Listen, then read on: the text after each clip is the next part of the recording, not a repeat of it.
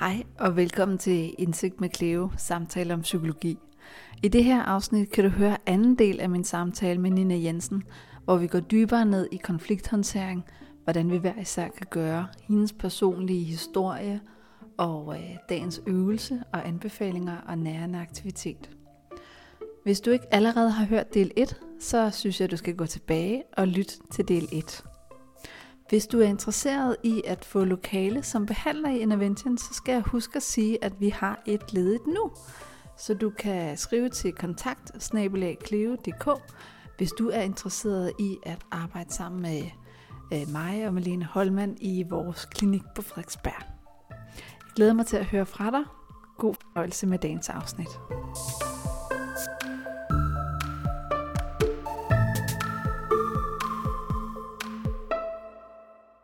Jeg kunne godt tænke mig at høre nogle af dine personlige historier om, hvordan du fandt det spændende at arbejde med de her ting. Ja, altså, når jeg, når jeg siger alle de her ting med mand, og vi har brug for osv., mm. så i stedet for at skulle indføre et jeg, ja. det kunne være, være passende, så øhm, kan jeg se sådan, der er en rød tråd gennem mit, mit liv og mit arbejdsliv, som handler om, at det, jeg bliver optaget af for mig selv, er også noget af, altså noget af det, jeg så bliver optaget af, at jeg også kan bruge arbejdsmæssigt. Det er jo mm. heldigt, at jeg så er i psykologien og selv har en psyke. Ja. Øh, og jeg kan ikke lide konflikt. Nej. Jeg øh, kommer også fra en familie, hvor min rolle har været øh, mere tilpassende stil og harmonisere. Det er ikke fordi, jeg ikke også har kunne skændes i min familie, men, men man kan sige, at jeg har fået nogle af mine psykologkompetencer af mm. at skulle agere i meget forskellige perspektiver. Øh, og, og tit har min måde at være i det på så været at forsøge at være den, der siger, men du, du siger jo egentlig det samme som ham, og kunne man tænke sig at, og så videre. Ja, så du har også haft antennerne ude på, hvad der foregik, ja. og kunne skifte perspektiv. Ja, det er i hvert fald, altså man kan sige, da jeg var mindre, har det været mere sådan min, øh, ikke livs, og jeg har aldrig nogensinde været i livsfejl. Jeg, jeg kommer egentlig fra en ret almindelig familie, men alle også almindelige familier har jo forskellige konfliktmønstre eller mm. måder, man, altså hvis man skal sige, prototypen på en italiensk familie er måske med lidt mere højt råben og armbevægelser, øh, og måske en, en traditionel nordisk familie vil være mere kølig, fejren under gulvtæppet, eller ikke tale om det, der er svært. Og det er meget mere godt ja. sådan øh, generaliserende. Øhm, så min interesse er både den, at jeg kunne mærke, at der er bestemte måder i min måde som organisationspsykolog, at jeg kunne have en tendens til eller en præference for at dæmpe, mm. at folk kunne mm. tale konfliktfyldt om tingene. Jeg var okay. hurtigere end de af mine kollegaer, som havde nogle andre præferencer til ja. ligesom at, og jeg, jeg kan styre mange teams øh, i forhold til at tale meget øh, vel, velafbalanceret og sådan ordentligt med hinanden. Men det gjorde mig ikke nødvendigvis bedre, når jeg var gået til at håndtere nogle af konflikterne, snarere tværtimod. Nej, fordi at så er de jo afhængige af, at du skal være der til at lukke stemningen ned. Smart for forretningstrik. Ja, præcis. Du kan afhængig. det går meget bedre, når du er her, Nina. Jamen, så kan I da bare hyre mig. Ja. Ja, det er jo selvfølgelig også den anden del af det, men, men, men det var mere sådan, selve det at kunne holde, holde til og sidde, når det også blev ophedet, mm. det var ikke min præference. Og hvor jeg kunne, kunne øh, mærke, at andre kunne sagtens sidde i det der ophed, og så arbejde ind i det. Ja. Øhm, og samtidig er der jo også de øh, organisationer, jeg arbejder med, har forskellige kulturer ligesom familier har. Hvordan gør vi her? Hvad ligger i skyggen? Hvad er det, vi ikke rigtig taler om? Hvad er ah. tabuer her? Eller uh, hvad er det, det hvis vi berører det? Uh, hvad er det så, der sker? Og måske endda lige frem kan... Altså nu er det hele MeToo-bølgen mm. er her, så man kan sige, der har jo også været noget, der lige i øjeblikket kommer op for skyggerne. Noget, der har været normen, og, mm. som vi så prøver at tale om, og som nu er svært og konfliktfyldt at, at få talt om, fordi det er, der er mange følelser involveret. Så, så jeg det var faktisk på det tidspunkt, hvor jeg opdagede, at jeg manglede nogle redskaber med at sidde i og tolerere mit eget ubehag. Ja. Øh, for at kunne være mere hjælpsom til at mine kunder, at jeg kunne skabe plads til, at de kunne sidde og øve sig i at være med ubehaget, når det blev svært. Ja, fordi du skal jo være en rollemodel i, at du også kan gøre det og kan vise det for dem. Og hvis man tror lidt på det, neuroforskningen, som taler om spejlneuroner, at hvis først der er arousal i min krop, så sender mm. jeg mhm. spejlneuroner ud i rummet, som de andre kan blive smittet af. Yes. Så skal jeg helst være den, der smitter med noget mere. Det gør ikke noget, jeg har ubehag, men der skal være også en smitte med noget mere grounding, apropos det her med låget op, mm. øh, øh, som Dan Sigel snakker om, så jeg kan smitte med, at de får fat i deres mere klare tænkning mm. og tydelige ståsted, uden at undertrykke, at der er en konflikt. Og det er avanceret arbejde. Ja, det er det. Og, og det er også der, nogen brokker sig lidt og så siger, at det, jeg havde ikke tænkt, at jeg skulle i terapi. Altså, det er faktisk ikke terapi, det er mødedisciplin, eller der er sådan en ja. forskellig dannelse omkring at være i grupper og arbejdsfællesskaber, som har nået et andet niveau. Og det er selvfølgelig tilladt at sige fra. Det er også noget, arbejdspladsen skal bestemme. Øhm, er det en, en kompetence, vi gerne vil opøve her, og så mm. gøre det på en etisk ordentlig måde, så, så det ikke bliver grænseoverskridende på en, på en privat måde. Ja, eksponering, det skal vi helst ikke have. Nej, det, det, der er mange eksempler på det, og det er selvfølgelig en fin line, at gå på, så der er mange redskaber om det. Men det, der tog, det var faktisk der, jeg så valgte at tage til USA øhm, og, og tog en... Øh, en uddannelse som integral facilitator, hvor en del af uddannelsen var, at vi sad i det, de kaldte flex flow groups, hvor at vi havde 30 minutter, der var alle mulige rammer omkring det. Og så skulle vi sidde og tale om et emne, og hvor der opstod alle mulige forskelligheder, og nogen mm. trak sig, og nogen blev mere ivrige, og mm. så videre. Og så skulle man sidde og holde øje med både sig selv, og reagere på det, og blive helt klar over, hvad er det for mønstre, hvad er det, der bliver aktiveret i mig, når det bliver svært. Altså den, der trækker mig, eller er den, der læner mig frem og tager kampen og vil vinde, eller hvad sker der? Så vi blev i, det var ikke kun sådan en, hvor vi sad og skulle læse mange bøger. Jeg tror mm. nærmest ikke, vi læste en eneste. Vi sad i praksis hele tiden. Og trænede. Og trænede og trænede og trænede. Og nogle gange rystede jeg over det hele, mm. fordi at jeg kunne bare mærke, at jeg skulle sige det her, men samtidig alle de stoptegn, jeg havde indlært yeah. fra, at det skal du ikke, fordi så risikerer du, at de var i gang, men jeg skulle sige det alligevel. Fordi nogle gange er vejen igennem ubehaget jo, at netop at det er igennem. Ja. Øh, og det var en meget, meget ordentlig, og jeg er meget glad for den uddannelse. Øh, og det betød så også, at jeg begyndte at slippe lidt mere øh, hos mine kunder, og tillade noget mere at sidde, selvom jeg kunne mærke, at det begyndte at rasle i maven, og jeg blev anspændt i skuldrene, og jeg tænkte, nu bliver niveauet højt herinde i rummet. Så lad det være med det at tale mm. om, det var det, vi gjorde. Øh, havde lavet gode rammer og forventningsafstemninger med gruppen, som også altså, skulle selvfølgelig synes, at det var en god idé at øve sig i konflikttolerance ja, på den måde. Som er interesseret i det. Nej, det, det, det er sådan en forudsætning at sige, det er ja. så det, vi gør. Fordi det er det eneste, man har, for uløs eller lysten forsvinder, når det bliver ubehageligt. Mm. Glemmer man, hvad fanden det her er for noget, og det er noget, det, hvem er det egentlig, der har fået den idé, vi skal sidde her, eller det kan man helt tabe af syne. Så det er vigtigt at have en stærk intention for, hvad er det, vi gør det her for. Mm. Hvorfor giver det mening? Og det skal helst give mening for den enkelte. Der er også noget, de kan bruge hjemme i deres parforhold, eller over for deres ja. børn, eller veninder, eller hvad det nu kunne være, venner. Øh, og det skal også give mening for et helt team at ville arbejde med det. Og jeg får oftere og oftere opgaven i mine supervisionsgrupper eller mine træningsgrupper, at også arbejde med deres konfliktvillighed, konflikttolerance, graden af psykologisk tryghed i gruppen, øh, fordi det som et arbejdsredskab bliver lige pludselig også en faglig kompetence. Mm. Det er ikke kun noget, man er heldig at få nogen med ind, der tør sige ting højt, som er svære at sige. Det er også noget, man skal holde i live, og man skal understøtte som kultur. Mm. Øhm, og det synes jeg er meget spændende, og jeg vil sige, jeg bliver, altså, jeg bliver tit udfordret i mit arbejde med, at jeg kommer på glat is. Og det har jeg tit, så skal jeg i min egen supervision lige øhm, huskes på, at det er okay, og hvorfor er det nu, jeg gør det her. Jeg mister nogle gange den øh, lidt mere glansbillerolle, jeg godt vil have, af den kloge psykolog, som altid har styr på tingene. Uh, det er bare så svært at leve efter. Det er bare så svært. Jeg bare sådan, åh. Og det jeg har fundet ud af, hvis, hvis jeg har styr, ikke styr på, hvad skal jeg sige, hvis jeg har en ro på, at det er okay, ja. Og at jeg underviser på mange måder end den mere gammeldags undervisning ved at fortælle noget, men også med måden, jeg sidder i situationer på så giver det ekstra mening. Ja. Men jeg synes, det er, en, øh, det er noget af et egoarbejde. Mit ego slås med det, og vil meget hellere være perfekt, og synes, jeg gør tingene rigtige, og øhm, kan bedre lide, når noget er gået godt, eller folk er enige med mig. Jeg skal til stadighed holde øje med, at jeg går mod harmonien. Ja. Jeg går mod at så sige, det du sagde der, det hørte jeg også, der var nogen, der sagde, og det skal jeg også. Men at jeg ikke gør det så meget, så hov, hvor er det forskellene ligger? Og det var noget, jeg blev trænet i i USA. Der havde vi sådan en, en måde at træne i det på, og vi først højnede forskellene. Så vi faktisk gjorde dem helt tydelige, så folk kom med deres standpunkter, sådan det er det her, der er mit standpunkt.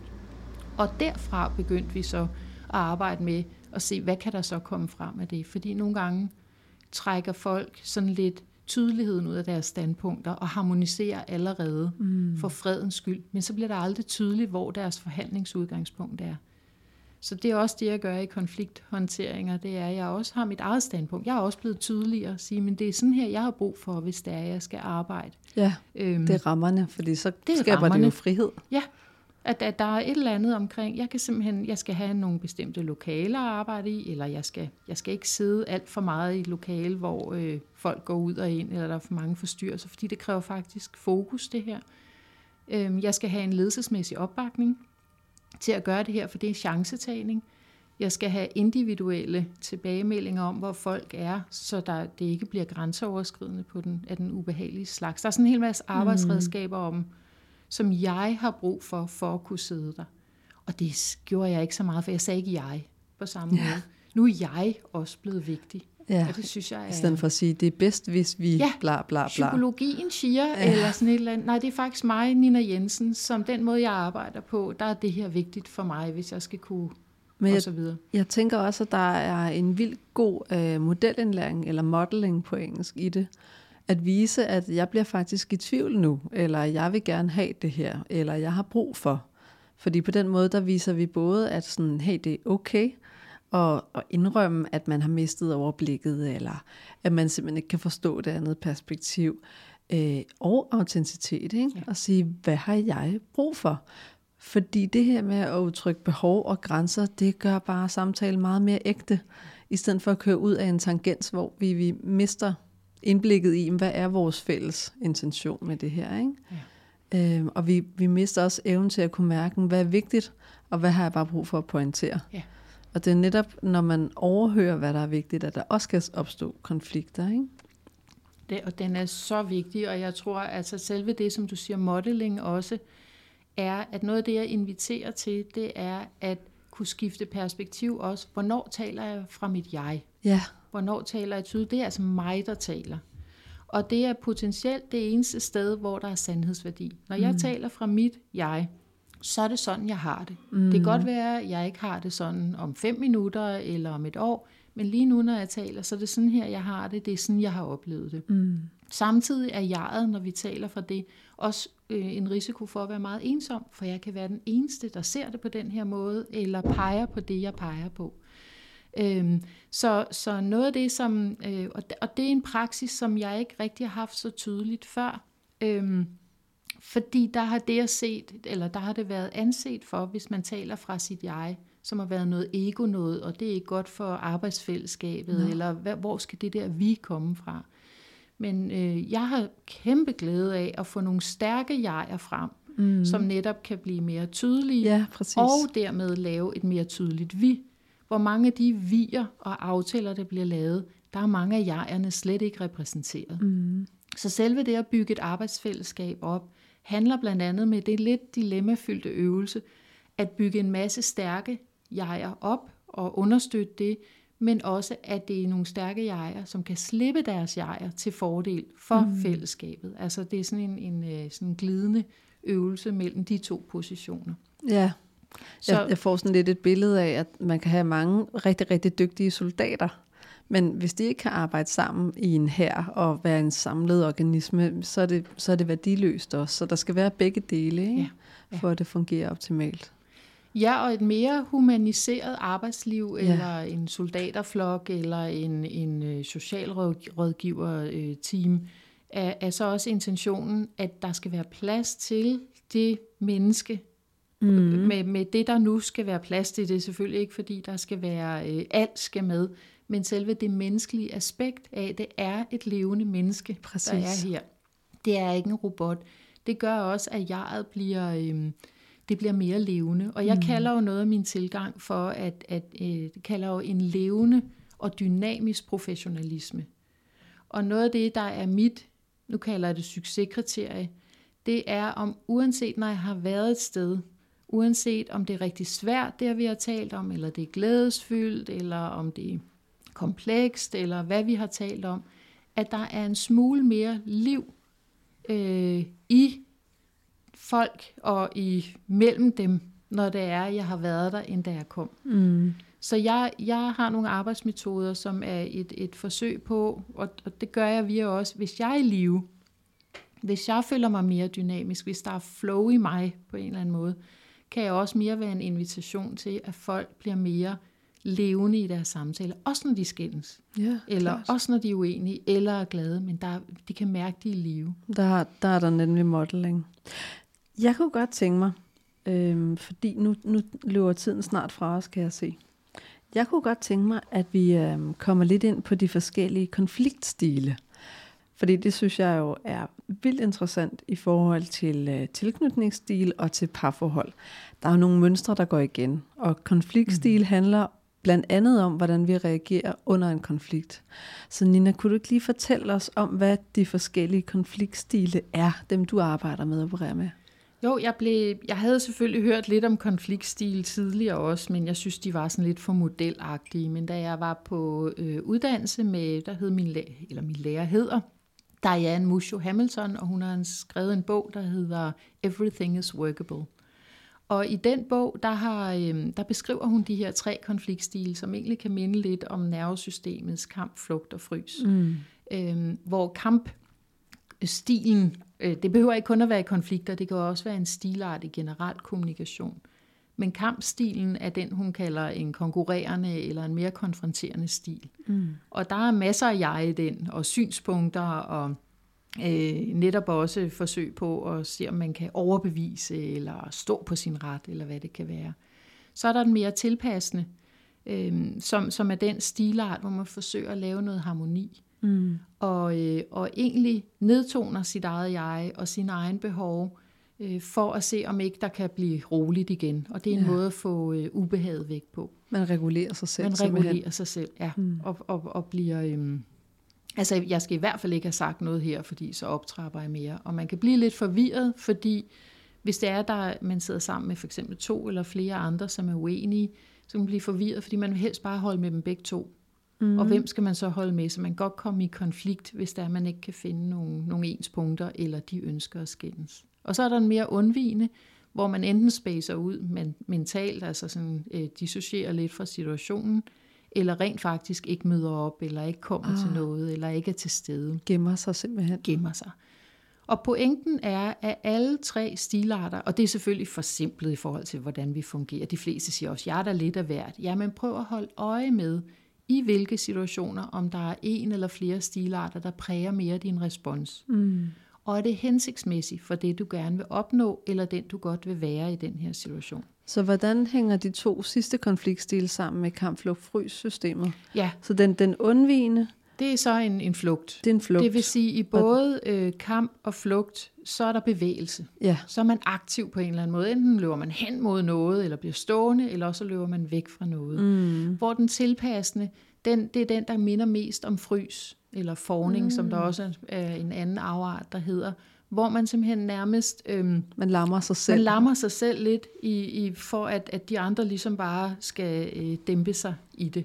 Okay. Og igen, det er, når man er i arousal, eller trigget, eller låget er oppe, der har alle tre stile en bestemt udtryksform, hvor der er med, øh, at, at der øh, farer stresshormoner og adrenalin rundt i kroppen. Og så har alle tre stilarter et mere samlet udtryk, som når man er mere dynamisk eller ikke er lige så aroused. Øh, og det vil sige, der er øh, den mere konkurrerende, konfronterende stilart, det der ellers kunne være kæmp. Når det er låget er nede med den, så er man mere tydelig. Ja. Man er klar på, hvad ens grænser går, hvad ens præference er, hvad man vil være med til, ikke være med til. Øh, så det er faktisk en ret nødvendig position at kunne være i, for at kunne tale ud fra sit jeg, og sådan set også for at kunne lytte til andre. Jeg tænker, i en, en rolig form, så minder den mig umiddelbart bedst om den sikre tilknytningsstil. Ja. Fordi at man ikke er bange for at miste andre, kan man sige. Ikke? Så man, man tør stå fast på sine standpunkter. Man tør dele det, man har på hjertet. Man er ikke, man er ikke bange for, at man bliver forrådt eller antager, at andre vil forlade en. Nej, nej, og den kan netop også, men når du siger det, så kommer jeg til at tænke på, at den psykologiske tryghed også er afhængig af, at man netop tør være vågemodig og regne med, mm. jeg er sikker her. Mm. Jeg siger det her, og jeg vil blive passet på af dem, jeg siger det til. De vil, de vil give me benefit of the doubt, eller sådan. Præcis. Og, og det er også derfor, vi er inde og rode med nogle rimelige... Øh, altså, det er jo meget personligt, det her. Ja, og hvis du har en, en personlighed, som konstant er konfliktsøgende, ikke, mm. så er det jo bestemt ikke den sikre tilknytningsstil, vi arbejder med. Så er det jo langt mere ængstligt i bund og grund, alt det, der må ligge indenunder. Ikke? Ja, vi, har, vi regner hele tiden med at få modstand, og, ja. og nogle gange så tænker man, jamen de giver der faktisk ikke modstand lige nu, men så er man blevet taget over af ligesom fortiden, at der er sådan et helt system, der går i gang, hvor man slet ikke er til stede den eventuelle uenighed, der er lige nu og her, og de andre kan sidde og tænke, hvorfor er du så ophidset? Jeg siger mm. jo bare nej. Ja. Og hvor den undvigende øh, øh, kan som sagt, altså i sin øh, mere... Øh, øh, det, er engang, det ser ikke engang øh, altid roligt ud, men, men, men øh, i den mere ikke-arouse-stil, der hvor der er mere grounding, og man er mere fat i både top og bund af sig selv, der, der er det jo faktisk rigtig godt at kunne mm. slippe noget. Ja. Og kunne være mere åben og så sige, okay, det, det er faktisk ikke lige der, jeg har noget at sige, eller whatever. Mm. Øh, og den har vi også brug for, for man ikke skal ind og nitpikke i alt muligt. Ja, præcis.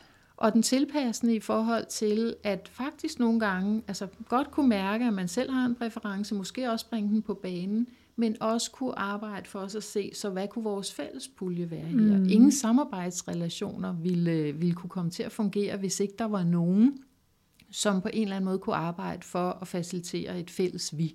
Nej, hvor er det så, så, vi lander? Også i familier og i parforhold er det jo også vigtigt, hvor er jegerne? Der skal være nogle jeger, og hvad skal videt være? Der skal man jo mm. kunne tilpasse sig også og tage følgeskab. Så ideen er i at have med øh, kommunikations- eller konfliktstil at gøre, er at gå lidt på opdagelse i at blive bevidst om, hvad er min i de forskellige situationer? Har jeg en gennemgående, som jeg tyr til, når jeg bliver presset? Mm. Eller jeg bliver usikker, eller jeg føler ubehag? Er det så mest det her, jeg gør? Og jo mere igen, name it to tame it, mm. jo mere bevidste vi bliver om vores egne gamle mønstre eller vaner, jo mere kan vi også begynde at arbejde med at få en praksis for at blive mere fleksible. Øve tolerancen, så vi kan få fat i nogle andre typer responser, som ikke er den vanemæssige, som måske vil hjælpe os bedre. For eksempel ikke at undvige, når der er noget, vi gerne vil sige, mm. men træde frem, som du siger, mere sikkert tilknyttet. Altså altså tænke, det er det her, jeg skal.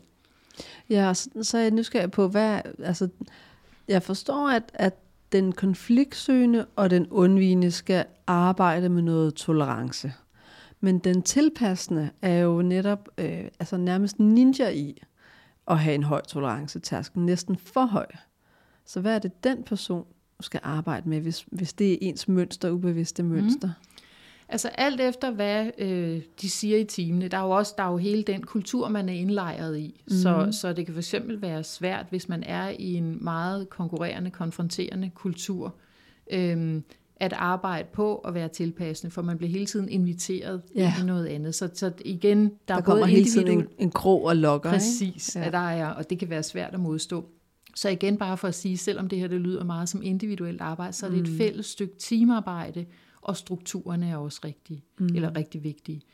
Og så spurgte du mig om, hvad er den tilpassende? Ja, altså, på et øhm, plan. De, rigtig mange beskriver også situationer, hvor at der er meget arousal i at være tilpassende. Ja. Når det bliver en, åh, at det er ikke sikkert, det er det, man mærker, før man begynder at lede mm. efter det, men det var den, jeg også selv kunne have. Mm. Når der kom høj arousal i teamet, havde jeg brug for, for at tage ubehaget ud af min krop, at de blev mere enige. Mm. Og det kunne både være fagligt, uh, som psykolog, jeg er jo blevet hyret til at få dem til at tale bedre sammen, og nu sidder de der og skændes, jeg må hellere. Øhm, eller også mere sådan en gammel vane, der opstod hos mig, så tilpassende kan være vældig frygtsomt. Mm. og kan gøre, at, at netop også ens eget perspektiv slet ikke kommer på banen. Så en mere samarbejdende form er som regel, altså man kan næsten sige, at alle krydder godt sammen. Ja, det så det. En, en tilpassende stil, der også er krydret med tydelighed, og hvor er det, vi skal hen, og en styring i forhold til øh, de grænser eller aftaler, der er lavet, og en undvigende, så man ikke tager fat i alt det lugter jo godt, eller smager godt, ja, sådan en krydderi. Det er velprioriteret. Velprioriteret. Det er bare sjældent, at vi har et samlet krydderi hele tiden, på grund af de ting, vi har med os. Mm. Vi er alle sammen primet vældig meget, at som du også beskriver og arbejder meget med, øh, fra det, vi har med os. Men som voksne kan vi begynde at tage ansvar for det, og tænke, det behøver ikke præge os længere. Mm. Det, som jeg skulle omformulere, det er, for ikke at sidde og lave gruppeterapi, på en arbejdsplads og finde ud af, hvad, hvad er, hvordan er grænserne for, vi faktisk går ret dybt. Og det er derfor, jeg bruger konflikt. Man går dybt med det samme. Ja. Men man går dybt på en måde, der er ufattelig relevant for et arbejdsfællesskab. Det er ens kommunikationsstil. Og det er jo faktisk det samme som ved parterapi. Fordi der går der ikke særlig lang tid, før vi dykker ned i smerten. Mm. Det er der jo en grund til, ikke? fordi vi skal have undersøgt, hvad er det for gamle sårbarheder, vi bliver trigget af? Hvad er det for signaler og måder, vi taler til hinanden, som gør, at vi lige pludselig reagerer på en ret intens måde? Og det kan vi ikke arbejde med, hvis ikke vi går ned i smerten først. Og ligesom får hele det og lytte til hinandens perspektiver og rummer de svære følelser, der så er. Ikke?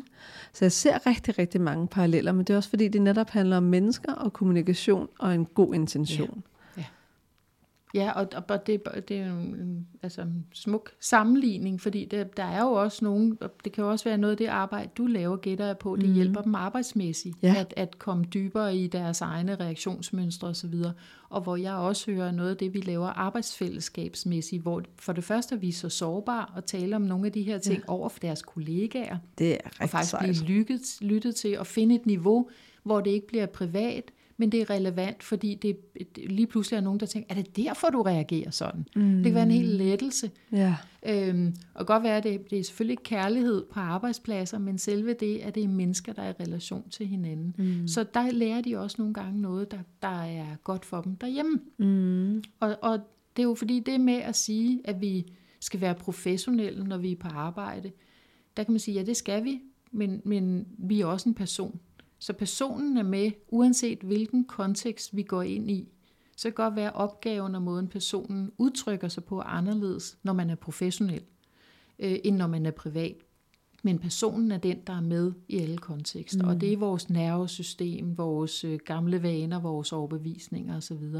Så det er relevant at arbejde med. Og så tænker jeg også, at de her tilstande, vi kommer i, det er jo ikke fordi, de er fastlåste. Apropos tilknytningsstil, de kan jo også skifte i forhold til det parforhold, vi sidder i. Ikke? Ja.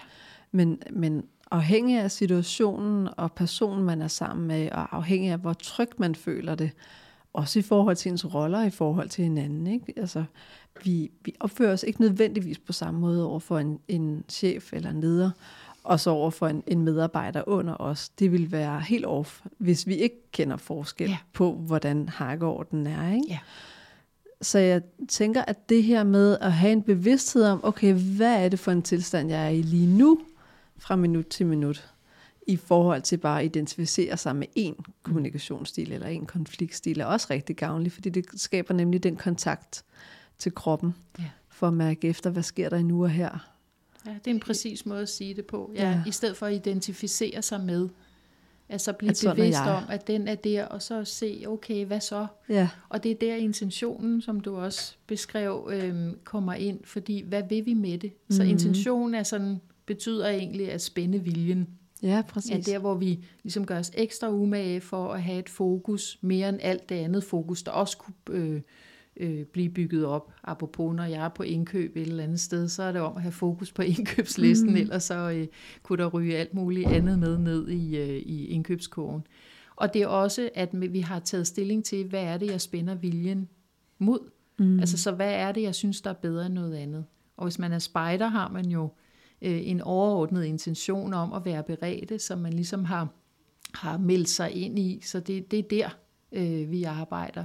På samme måde kan vi have det i nogle relationer. Mm. Og jeg har øh, øh, der er nogle arbejdspladser, hvor jeg skal have, hvor jeg arbejder med, hvad er det for en fælles intention, vi har her? Hvad er jeres individuelle intentioner i dit jeg, at du gerne vil, så deres yes. dagsorden kommer på banen? Og hvad er det, vi fælles har her? Og hvis ja. vi fælles arbejder med for eksempel at have en intention med at arbejde mere med uoverensstemmelser, invitere flere uenigheder ind, det betyder ikke, at man så kun skal det, men de skal have mere plads, for de har ikke haft så meget plads så er det det, man skal minde sig selv og hinanden om, når det bliver svært. Og mm. vi har jo mm. aftalt, at puh. Og så kan man begynde at snakke om, hvilke strukturer gør, at vi har gode træningsbetingelser for det her. Fordi lidt ligesom når man går ned i træningscenter, så kan det være indrettet rigtig godt, så man faktisk får trænet det, man gerne vil træne. Og det kan jo være rigtig elendigt. I første omgang skal man jo gå derned. Og på samme måde er det med de arbejdsfællesskaber, der gerne vil træne det her. De skal jo gøre det compliance, som det vist hedder, ikke? Så Nina, jeg synes, det kunne være helt vildt interessant, hvis du kan prøve at fortælle om en case eller to fra det virkelige liv, sådan så vi kan få alt teorien lidt i relief. Øhm, er der nogen, som du har tænkt på, at du kunne tænke dig at dele i dag? Altså, øhm, jeg, altså du tænker fra et arbejdsfællesskab? Ja. Ja. Cases, eller en klassisk øh, konfliktsituation, som virkede fastlåst, eller noget lignende? Altså, jeg har jo gennem årene, øh, fordi jeg er organisationspsykolog, haft mange henvendelser, om jeg kan, om jeg kan støtte folk, når de er kommet i konflikt. Mm. Øhm, nogle kommer så sent, så det er en meget fastlåst konflikt, og der, der, øh, der kan man sige, så skal jeg først lige høre til, hvor vi er henne. Fordi hvis det er en meget fastlåst konflikt, skal der bygges nogle ledelsesstøttende rammer og strukturer op om det. Og der skal være klar konsekvens, hvis der er, der ikke er fremdrift, og nogen skal holde øje med, om det løsner sig osv. Så, så, så, så der er sådan et helt system, der ligesom går i gang i forhold til det. Nogle gange kan det være folk, der henvender sig, fordi det kan være to ledere, som skal samarbejde, som siger, at vi har rigtig svært ved at samarbejde. Øhm, jeg synes, det går i kage hver gang. Jeg synes, jeg siger alting med god intention, og det bliver hørt anderledes, og shit, shit, shit, siger det så, så, øh, har vi en eller anden uoverensstemmelse. Og jeg går, altså jeg går altid på, øhm, på arbejde med det på den måde, at, at folk skal tænke over, den enkelte skal, skal tænke over, hvad er min intention med at gå mm. til de her samtaler. Nogle må jo så erkende, at de faktisk ikke gider blive enige. Altså, ja. de har faktisk, altså der, det kan også være i sig selv en afklarende proces at nå frem til, har jeg egentlig en intention? Om at ville samarbejde. For man skal, man skal ville også noget viagtigt i relationen. Jeg tænker også, at det koster rigtig dyrt, hvis man, hvis man fyrer en person for sent. Ja. Der er rigtig meget øh, skade, der kan ske, ja. hvis man venter for lang tid og giver for mange chancer, når det er ultrafastlåst. Ikke? Ja, nogle gange for personen selv også at skulle have stået i et eller andet, som på en eller anden måde ikke altså matcher eller passer, eller måske selv kan nå at sige, det er ikke noget for mig. Der er ja. også nogle steder, hvor de bliver klar over, at den organisationskultur, der er, er med til at skabe konflikten. Ja. Og det vil de ikke længere, og derfor enten prøver at lave den om indenfra, øh, og komme med nogle forslag til nogle strukturændringer, eller må sige, så er det ikke mig. Ja, vi slår op. Vi ja, for vi forskellige op. på vores værdier. Nogle gange gør de faktisk begge parter, ja. eller det kan være et helt team, der går op og så siger, det her det er anderledes, øh, mm. øh, end vi havde tænkt os. Kan vi få nogle andre rammer, vi peger på sådan ja. og sådan og sådan. Og der er det jo rigtig godt at gøre sig bevidst om, hvad er vilkår, og hvad, hvad kan jeg påvirke på den her arbejdsplads, jeg er i. Ikke? Jeg kan da huske fra mig selv, da jeg arbejdede i psykiatrien, at et vilkår var sundhedsplatformen, da den kom. Og med den kom der også øget arbejdspres, og du skal have så og så mange procent øh, klientkontakt, og du skal bruge så og så lang tid på byråkrati og registrering. Og det endte med at gå imod mine værdier. Ja. Selvom det var, ja. var implementering af en ny software, ja. så startede der også en helt anden politik på arbejdspladsen. Ja.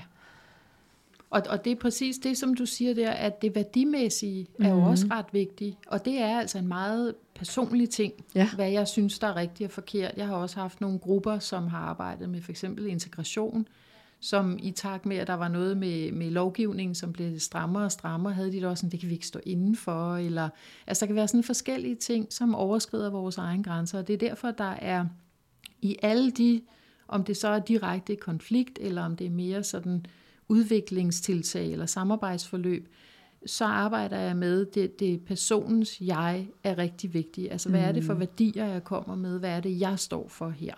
Øh, og gøre dem tydelige. Øh, og så er der at øh, opøve en lytten til, hvad er det den andens jeg, eller de andres jeg er, øh, står for her. Og fordi det er der, der kan begynde at opstå noget ubehag og noget forskel og så videre. Og så langsomt arbejde med at højne dem, mm. så man kan mm. lytte til det. Og så ud fra det, de er sat i forløb for, hvad er det, de skal blive enige om, hvad er det, de skal bestræbe sig på at finde en lidt mere koordineret vej igennem, begynde at forhandle. Mm. En konfliktsamtale er en forhandling af både værdier, præferencer, stolthed, værdighed og alt muligt andet.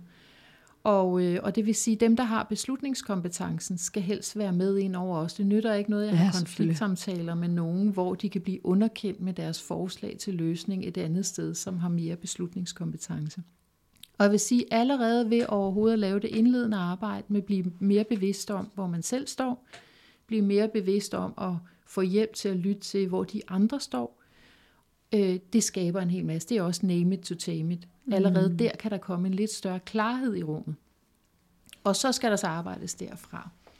Øhm, ja, så, så eksempler er, at jeg næsten også, der hvor jeg ikke er tilkaldt for at arbejde direkte med konflikten, der har jeg en lille artikel med alligevel om kommunikations- og konfliktstil, som jeg beder folk om at læse, ja. og som jeg, øh, som vi har aftalt, at du vil lægge ja. ud, som, som det er en lille halvanden side, som jeg har skrevet sammen med en anden psykolog, psykolog der hedder Jolande. Og øh, når de har læst den, har jeg nogle spørgsmål, hvor jeg beder dem om at forholde sig til, øh, hvad for en konfliktstil i hvilke situationer de må have. Og så begynder vi at tale om det, når vi mødes. Øh, sådan så vi allerede der har noget, der både er personligt, professionelt relevant, og som kan åbne for nogle lidt mere levende gjorte mm. samtaler, hvor de relaterer til hinanden på en anden måde, hvis de bare sidder og skal have en sag hurtigt kørt igennem. Ja, og det er faktisk dagens anbefaling, som øh, jeg linker, linker til i show notes. Og så kunne jeg godt tænke mig at høre ganske kort øh, dagens øvelse.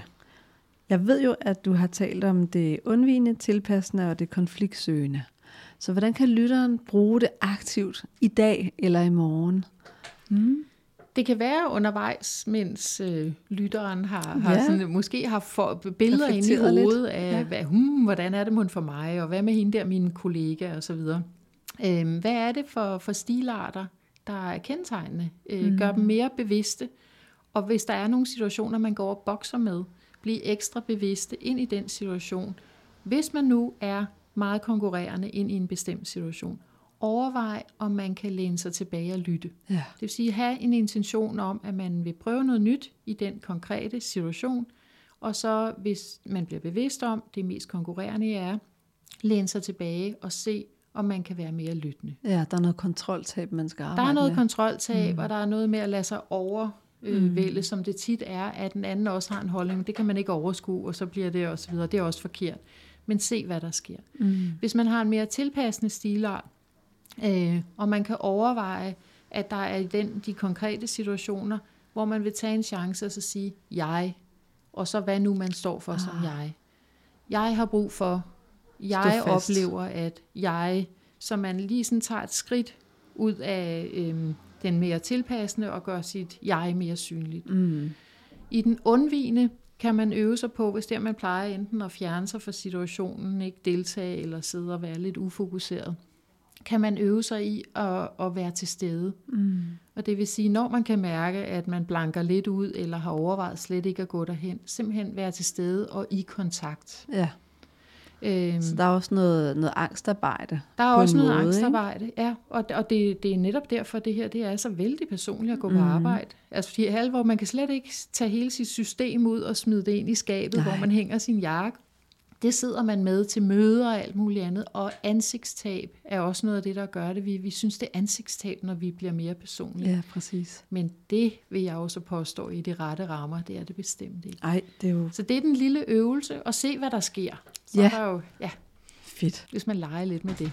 Sidste lille bitte ting.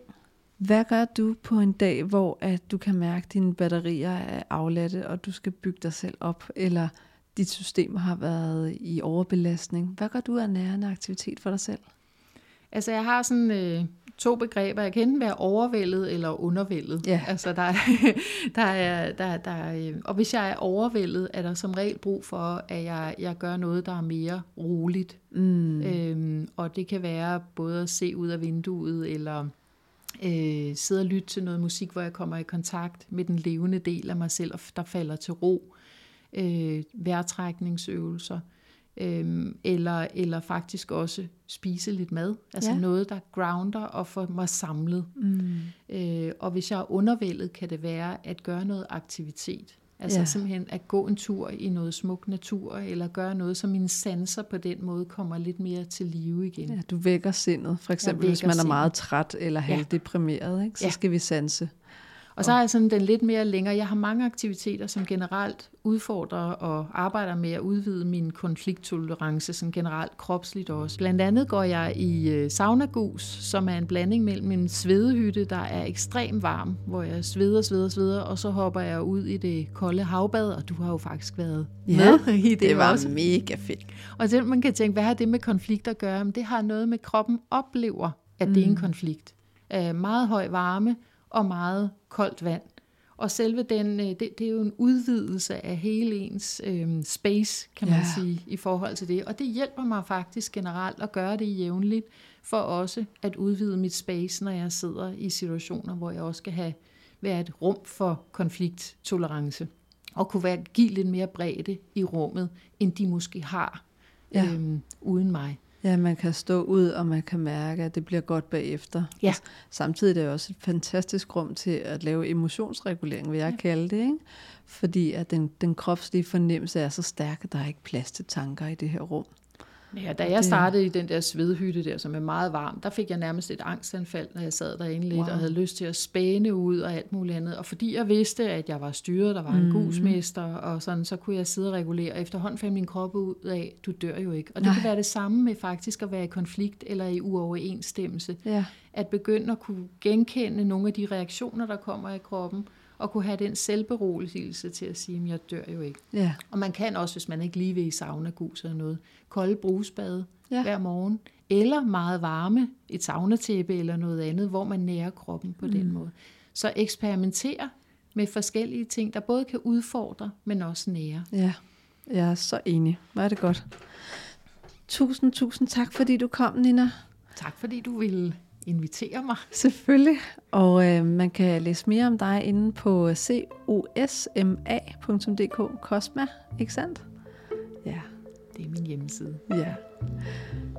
Ha' det rigtig godt derude, og jeg håber, at I har nogle rigtig dejlige, udfordrende og behagelige konflikter.